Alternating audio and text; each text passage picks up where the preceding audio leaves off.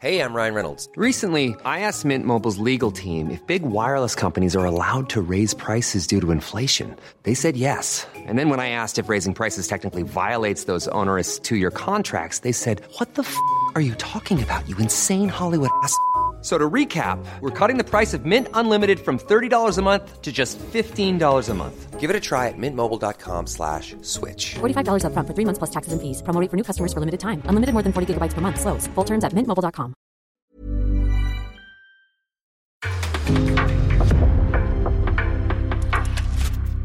En podcast från Aftonbladet.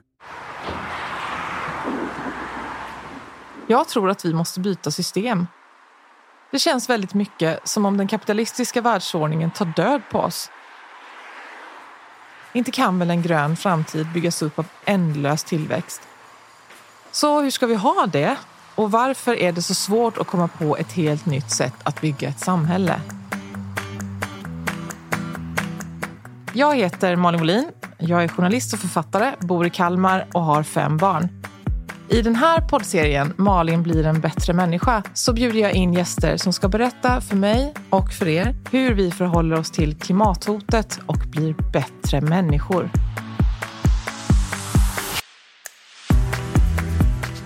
Jag vet inte om någon någonsin har satt ihop orden ekonom och legend. Men när det gäller Claes Eklund så är det befogat. Och idag ska jag träffa honom för att prata om hur vi kan överleva i vårt befintliga system eller om det helt enkelt måste bytas ut. Jag är ju väldigt rädd för dig. Jag tycker att det är jätteläbbigt. Right. Men nu måste, vi, nu måste vi göra det här. Då ska jag vara Därf- god och snäll. Ja, men vad bra.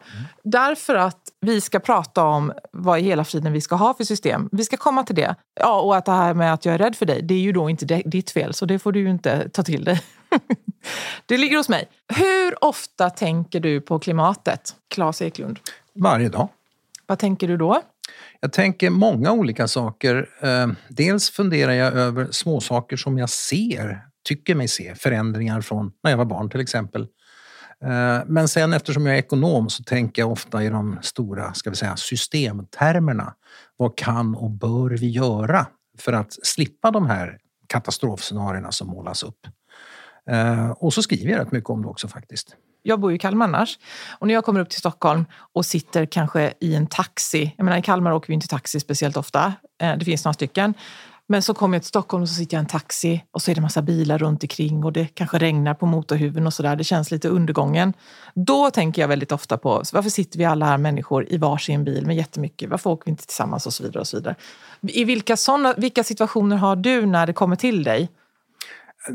Delvis den typen av situation. Fast där är jag dock lite optimistisk. Eh, vi är ju på väg, även om det tar tid, att rätta till det där via elbilar och annat. Men det tar ett antal år. Så jag är mindre rädd för trafiken i den meningen än tidigare. Men jag är mer rädd i ett internationellt perspektiv. Eh, med Indien och Kina, världens två folkrikaste nationer som vi kan inte tala om för dem att de inte kan få den standard som vi har. Varför skulle vi kunna säga det till dem? Och de har idag inte den teknik när det gäller energiproduktion som vi har, utan de är väldigt kolberoende. Och när de höjer sin standard så bränner de kol. Och det är liksom där den stora frågan ligger. Inte egentligen i att du åker taxi. Nej.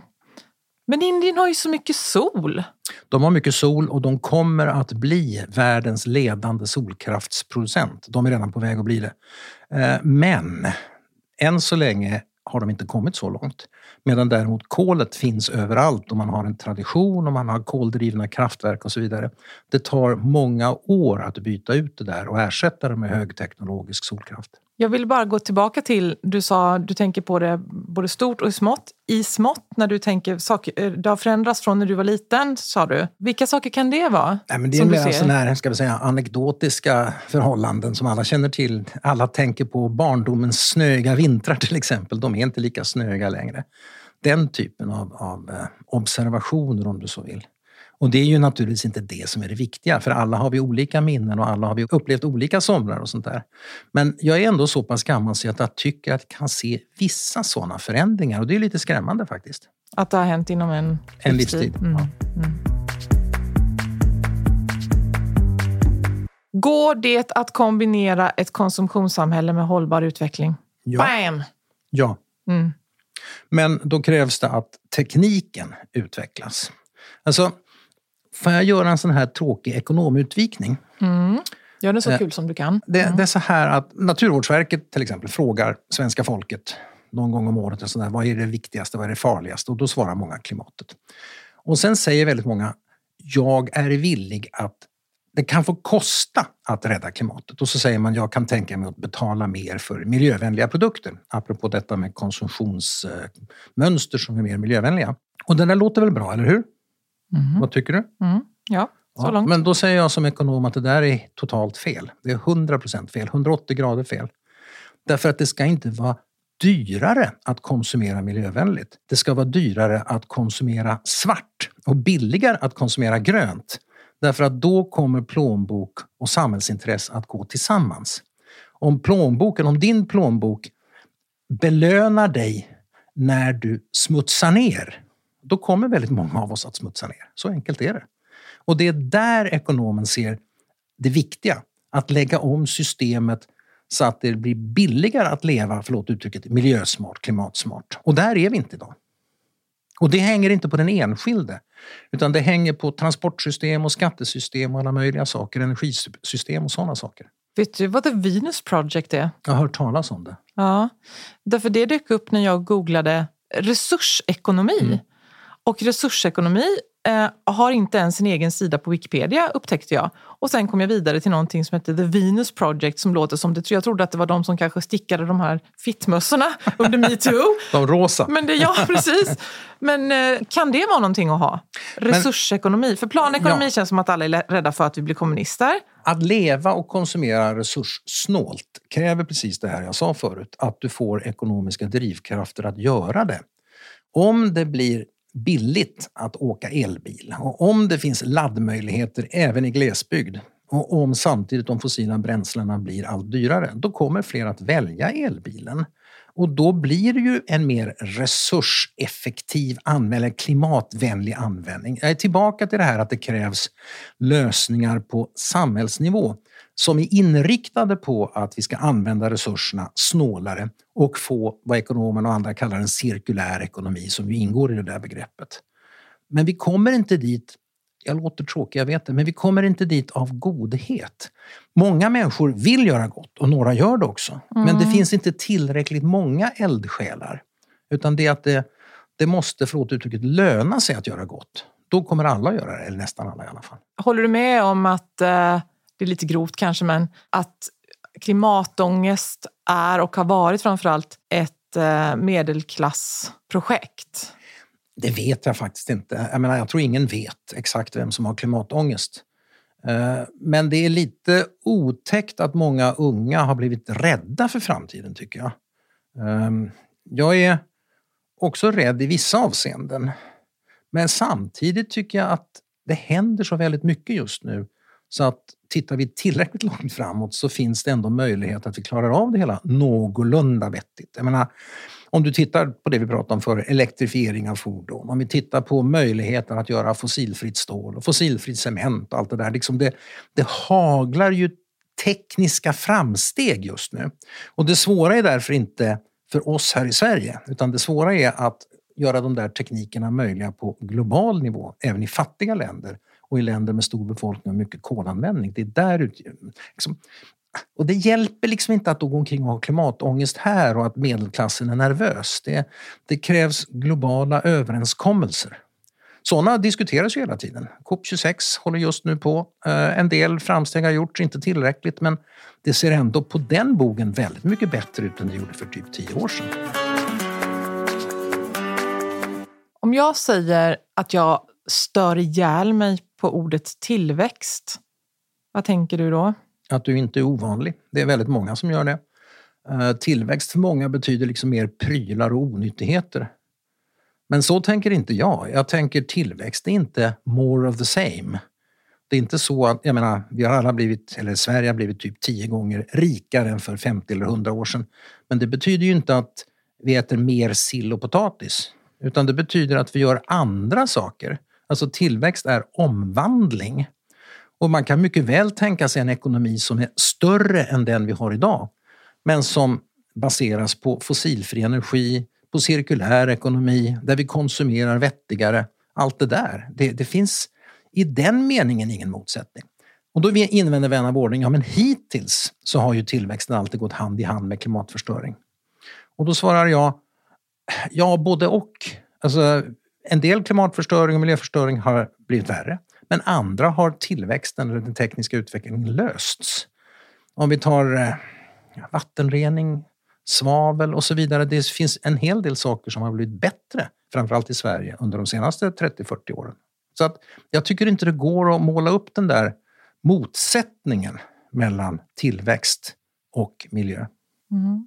Sen beror det på vad du menar med miljö. Jag menar, för 100 eller 200 år sedan i Stockholm med extremt mycket lägre levnadsstandard så var ju miljön åt helvete om man får svära det här fina programmet. Jag menar med hästskit överallt och pest och, och löss och vad du nu vill, alltså om du tar miljö i vid mening. Tillväxten, den tekniska utvecklingen har gjort att vi lever längre, är friskare. Eh, vi har kunnat ersätta en hel del av det där skräpet med nytt skräp, men också med ren teknik. Mm. Jag skulle vilja ställa en fråga som är jättekonstig och så får vi se om det ens går att svara på den. Om vi tänker oss att det finns liv på andra planeter, vad är oddsen att de har samma upplägg som vi? Alltså ekonomiskt system? Den är inte konstig. Det är väl en sån där fråga som många går och tänker på. Små barn. ja, och gamla. Jag, kan, jag tror ingen kan svara på den. Alltså, Nej, men vår, det är ju vår... ingen naturlag att vi har det just exakt så här. Självklart inte. Um, om du tänker, det finns liksom miljarder planeter där ute som har ungefär samma livsbetingelser i meningen grönska och syra, allt sånt där, där liv kan uppstå. Eh, men det som har fått vårt system att bli så här, det är liksom slumpmässig samverkan av miljoners, miljarders beslut under årtusenden. Och det är självklart att det inte behöver se ut så på andra ställen. Vi är inte ens säkra på att det är liksom människor i vår mening som finns på de där andra ställena. Så det är självklart att deras system, vad de nu är för några, det behöver inte heller se ut så här. Självklart inte. Det kanske inte är människor, det kanske, det kanske är ekonomer. Åh oh, gud, vad hemskt. Många gånger när jag lyssnar på um, politiska debatter så blir jag irriterad på detta med jobben. Vi måste skapa jobb, alla måste jobba och alla barn måste se att deras föräldrar jobbar och bidrar och allt det här. Varför måste alla ha ett jobb? Det är klart att alla måste inte ha ett jobb, men så länge som vårt samhälle har en stor offentligt finansierad välfärdssektor, sjukvård, skola, pensioner och så vidare, så måste denna offentliga sektor ta in skatt. Och det kräver att ett ganska stort antal människor jobbar och betalar skatt. Och ju färre som jobbar och ju fler som inte jobbar utan då ska leva på utbetalningar från det allmänna istället, desto svårare blir det att få den ekvationen att gå ihop. Men om du tänkte dig liksom en, en helt, en, ett samhälle helt utan stat, där alla var liksom, fick göra precis vad de ville och några skulle då vara beroende av andra och kanske färre skulle jobba. Det är klart att man kan ha det så. Men jag tror att de flesta av oss ändå tycker att det är rimligt att ha en bastrygghet som en stat eller ett välfärdssamhälle står för. Och beroende på hur ambitiöst det är så måste man då ha skatteintag och då måste ett antal människor jobba. Jag tänker kanske framför allt på att eh, det är så mycket eh, robotar och digitalisering mm. som tar över och vi blir fler och fler. Med min begränsade fattningsförmåga när det gäller de här frågorna så kan jag inte förstå hur vi ska få ihop det, varför politiker fortfarande står och pratar om att alla måste jobba. För då känns det som att vi är inne på att uppfinna jobb mm. för att folk ska ha ett jobb att gå till. Men det här med att maskiner av olika slag har tagit jobb från människor, det är ju inget nytt. Så har det ju funnits. Så har det pågått i hundratals år. Och eh, nu kanske jag blir fånig då. Så här, en grävskopa tar jobben från tio gubbar eller kvinnor med spadar. Men vi vill ju inte skrota grävskopan för det. Och skulle vi tänka i de banorna, då, skulle, då, är, då tar ju spadarna jobben från ytterligare tio gubbar som gräver med teskedar eller bara händerna. Alltså, för du förstår vad jag menar. Mm. Vi, har, vi använder ju maskiner eh, och det har vi alltid gjort. Eh, ja, sen industrialismen, eller långt tidigare också. Skillnaden nu jämfört med tidigare är att det inte bara är muskelkraft som ersätts, utan också hjärnceller via datorer och algoritmer och vad det nu är för någonting. Och det är något nytt och här vet vi inte riktigt hur fort det kommer att gå och vilka jobb som kan ersättas. Men om företag och myndigheter och andra väljer att ersätta människor med algoritmer så betyder, då gör man ju det för att det lönar sig i någon sorts mening. Det lönar sig genom att produktionen blir effektivare och då kan produkten bli billigare och då räcker våra löner till mer och då kan vi också köpa andra produkter. Det behöver inte vara prylar, det kan vara tjänster. Mer sjukvård, bättre utbildning, mer kultur, fler som lyssnar på poddar, vad vet jag. Eh, och det skapar andra jobb i sin tur. Nu säger jag inte att allt det här är självklart och löser sig självklart och enkelt. Men min poäng är att när maskiner ersätter mänsklig arbetskraft så ökar det som ekonomerna kallar produktiviteten. Vi kramar ut mer av varje arbetstimma som människorna gör. Och det ökar i sin tur inkomsterna. Det är det här som har varit grunden för den materiella välståndsökningen i hundra år. Inte bara i Sverige utan överallt i världen. Och jag ser inte riktigt varför det skulle sluta bara för att vi har, får smartare datorer och smartare algoritmer och så vidare. Det är klart det finns risker, men det, ja, det, de riskerna är inte så stora som många rädda eller nervösa människor tror. Och tittar du på Sverige idag så är ju inte den risken den stora. Problemet är ju snarare att vi har för få i arbete och med jättestora behov framöver, inte minst i sjukvården när vi blir äldre. Omsorgen kommer att kräva väldigt mycket personal. 40-talisterna har gått i pension. Ja, du vet allt det där. Så att, att, att på något vis att jobben skulle ta slut, nej. Den där bilden den liksom baseras på att det finns bara en viss mängd arbetsuppgifter att utföra och om datorerna tar några av dem, ja då blir folk arbetslösa. Men så är det inte. Våra behov är på något vis oändliga, elastiska. Vi vill ha bättre kultur, bättre sjukvård, vi vill kunna ha... Ja, och så vidare. och så vidare. Varför skulle vår uppfinningsrikedom och våra behov plötsligt stanna bara för att det kommer en smart algoritm och tar över några av de här jobben? Men det är väl kanske att jag kopplar eh, jobb väldigt mycket till att, det ju fler som ska ha jobb, allting måste rulla på och sen då tillväxt, tillväxt, tillväxt, utveckling. Och Eh, att vi måste gräva upp allt mer ur jorden. Mm. Och till slut så tar det slut. Det är klart att vissa tillgångar kan ta slut. Men vad händer då? Stoppar världen eller tvingas vi människor då tänka efter att utnyttja andra tillgångar? Jag menar, vad som är tillgång ändras ju på grund av teknisk utveckling. Den största enskilda tillgång, kanske en av de största enskilda tillgångarna vi har i det här landet, det är ju naturtillgången järnmalm den där jättestora klumpen under Kiruna och Gällivare och sådär, den var ju inte värd någonting för 150 år sedan för då kunde man inte ta upp den och man kunde inte få bort fosforn ur malmen. Och först med teknisk utveckling så blev det där en naturtillgång. Eh, och teknisk utveckling kommer att göra att vi kan gå över till andra naturtillgångar istället för att göra slut på de vi har nu. Kanske, i bästa fall. Så att, återigen, om man ser världen som jag som liksom någonting som rör sig hela tiden, som utvecklas, där vi människor tänker nytt, är kreativa och sånt där. Då tycker jag inte man behöver vara rädd för att allting liksom plötsligt tar slut eller någonting i den stilen. Nu ska jag inte gissa din ålder, men, men ändå. Ja, men alltså kanske, kanske runt 70, mm. någonting sånt. Ja. Um, och jag är förvisso inte eh, lika många år då, men känner ändå att jag mer och mer stannar.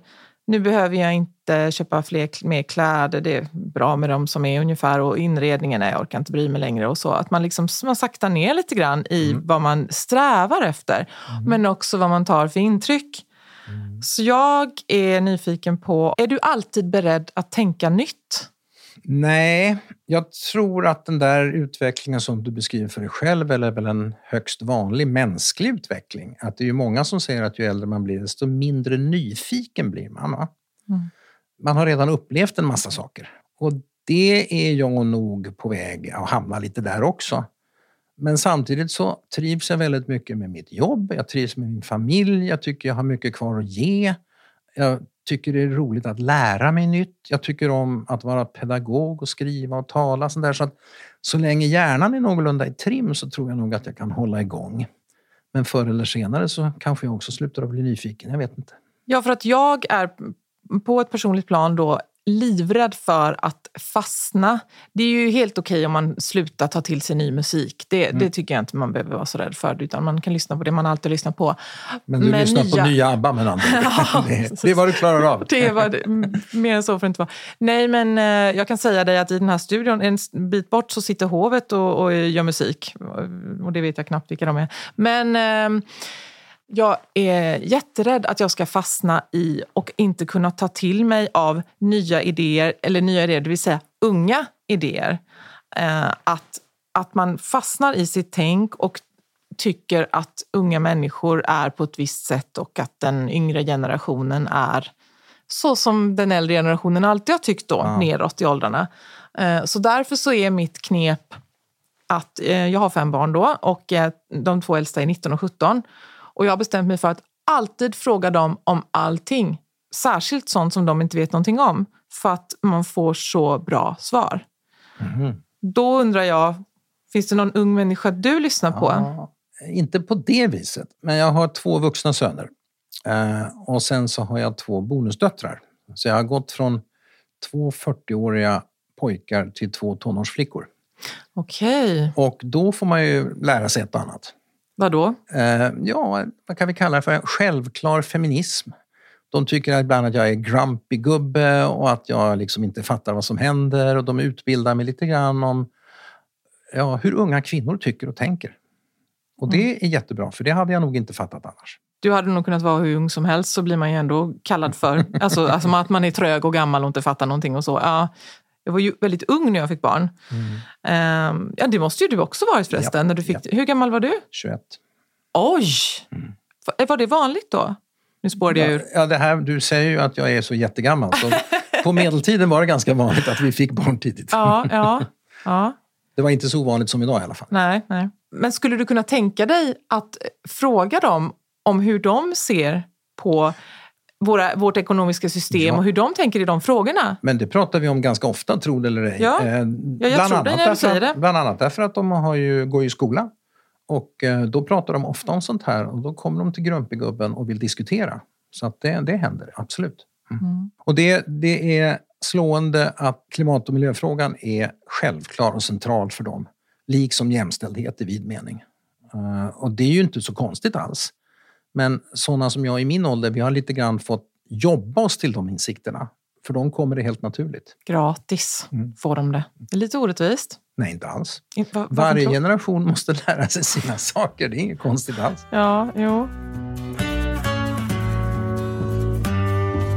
Om man skulle bestämma, det går ju inte att bestämma globalt såklart, men om man skulle bestämma över natten, besluta om ett nytt ekonomiskt system, vilket skulle vara det bästa för att bromsa klimat? Det var väl en lätt fråga? Alltså, det är klart att om du, om du verkligen ställer frågan så här väldigt hypotetiskt, ja, då skulle ju det ska, puristen skulle då säga global diktatur. Där diktatorn bestämmer att nu slutar vi använda olja eller någonting i den stilen. Men det vore ju ett förskräckligt samhälle ur nästan alla andra aspekter. Så att jag, jag tycker det är fel att ställa frågan så. I verkligheten gör du ju hela tiden avvägningar mellan stat och marknad, mellan personlig frihet och personliga uppoffringar, mellan miljö och ekonomisk standard och allt det där. Och där är jag återigen den tråkiga ekonomen, uppfödd i min generation i Sverige. Och jag gillar rätt så bra det här systemet som vi har i Nordeuropa kan vi säga. Kallar det för social marknadsekonomi. Med en marknadsekonomi men som är kringskuren av en stor offentlig sektor och en stat. Och jag har ingenting emot att betala skatt om jag vet att skattemedlen används på ett bra sätt. Men det är en annan fråga. Det kan vi diskutera mycket om de gör. Men en tråkig ekonom ställd inför det faktum att jorden är på väg att gå under, om vi ska Men det tänka tror så. jag inte. Du tror inte det? Nej, det är klart att den inte går under. För det första, Nej, även okej, om men vi då? Vi Nej, går det, under. vi kommer inte heller Nej, att gå under. nej. Eh, vad som kommer att ske är ju att temperaturökningen så småningom kommer att plana ut och på en nivå som är obehagligt hög. Och det kommer att ställa till en väldig massa problem på många håll med torka och översvämningar på olika ställen och havsnivåhöjningar och sånt där. Men det är klart att människan kommer att klara det också. Då vallar man in en del städer och så flyttar man och så odlar man nya grödor som klarar det nya. Alltså, min poäng är att vi kommer att anpassa oss och livet kommer att bli bättre för många och sämre för några. Så planeten går inte under och mänskligheten kommer inte heller att gå under. Men det är viktigt att försöka minska de där skadorna, effekterna av uppvärmningen, så långt det nu går. Och det är det som diskuteras eh, i Glasgow och tidigare i Köpenhamn och Paris. Och det är därför vi stiftar lagar och, och sätter koldioxidskatter nationellt och så vidare. Det här tråkiga eh, vardagliga steg för steg-arbetet. Eh, och jag, återigen, lite grått och lite glanslöst. Där godhet är viktigt, men där det här trägna, vardagliga småreformerna ändå faktiskt är det viktigaste. Gud vad jag låter tråkig! Nej, men tänker du så? Att, tänker du att, du att du har ett tråkigt... Nej, men alltså, jag är ju med i många debatter och, och skriver och, och sånt där. Och, och, inte minst när man debatterar med unga människor, och jag vet, även jag har varit ung faktiskt. Mm. Jag menar, då diskuterar man ju vad man vill ha. Man diskuterar visionerna med glöd och det är mm. dit vi ska. Medan en som har varit med länge och tänker i de här kostnadsintäktstermerna funderar på hur tar vi oss från A till B så bra och så enkelt och effektivt som möjligt. Och det är den roll jag har tagit på mig lite grann i samhällsdebatten. Mm. Och den, den lever jag med. Det är att ta ansvar på ett sätt. Mm. Lite mindre drömmare, lite mer ekonom. Ja, jag var, för 50 år sedan drömde även jag. Va, om vad då? Nej, men jag startade politiskt alla längst ut på vänsterkanten. Det här var under den glada åren efter 1968 och sånt där. Mm. Men eh, ja, sen så började jag sen skaffa familj och börja plugga. Och så måste man ta ansvar och då inser man att livet är inte så enkelt som att bara hoppa från A till B. Man måste men vad liksom... drömde du om? Nej, men liksom, det var den socialistiska ekonomin. Bort, liksom, häng den sista kapitalisten i den sista prästens tarmar, typ. Eller sånt där. Ungdomliga, radikala och vansinniga visioner. Ja, okej. Okay. Och, det, det har du lämnat nu? Jag tror inte det är någon bra väg framåt Nej. om man säger så. Hur ser din drömvärld ut? Och då, då tänker jag ju ur ett grönt, med mm. gröna glasögon. Då. Mm. Då ser jag framför mig en värld där vi har haft väldigt stora tekniska genombrott som innebär att vi kan omvandla solens strålar till flödande energi som gör att vi har mer eller mindre gratis elförsörjning och det mesta går på el och det är inga fossila utsläpp att tala om. Då ser jag framför mig en värld där vi återanvänder väldigt mycket så det blir väldigt lite avfall. Jag ser framför mig en värld där staten har hjälpt oss komma dit genom skatter och regleringar som gradvis driver bort fossilanvändningen och stimulerar människor att använda el och fossilfria bränslen istället för bensin och diesel och så vidare. Och jag tror då att marknadsekonomi och marknadskrafter är ett väldigt starkt medel att ta sig dit om staten lyckas sätta bra ramar. Det där betyder inte att jag tycker allting är bra med marknadsekonomin. Jag stöter mig ibland på vad vi ska kunna kalla kommersialisering, att allt går att köpa och sälja för pengar och att eh, allt ifrån ja, kultur och media blir i många avseenden mer och mer kortsiktigt grällt och kommersialiserat. Så att jag är å ena sidan mycket marknadsvänlig, men jag tycker att vi ska ha en stat som sätter ramar och gränser och jag skulle vilja ha andlighet ett för stort ord, men du förstår säkert vad jag menar. Alltså lite mindre gräll kommersialism i vårt kulturliv. Mm. Men exakt hur man ska åstadkomma det, det vet jag inte. Men, ja, men om du inte, för nu blev jag nyfiken på ordet andlighet. Om du inte vill använda det, då, vilket ord skulle du använda istället? Eftertänksamhet, ansvar.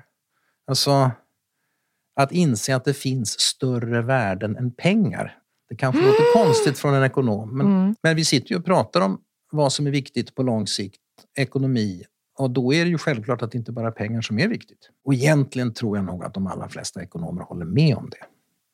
Men har man sin utbildning i ett ämne som handlar om att priser är viktiga, det är klart att det finns en risk att om man har ett verktyg, prismekanismen, eh, som är hammaren, då ser alla problem ut som spikar på något vis.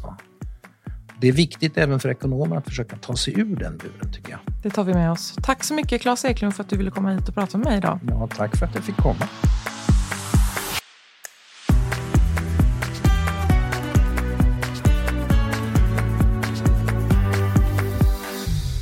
Den här podcasten är gjord av produktionsbolaget Cast för Aftonbladet. Du har lyssnat på en podcast från Aftonbladet. Ansvarig utgivare är Lena K Samuelsson.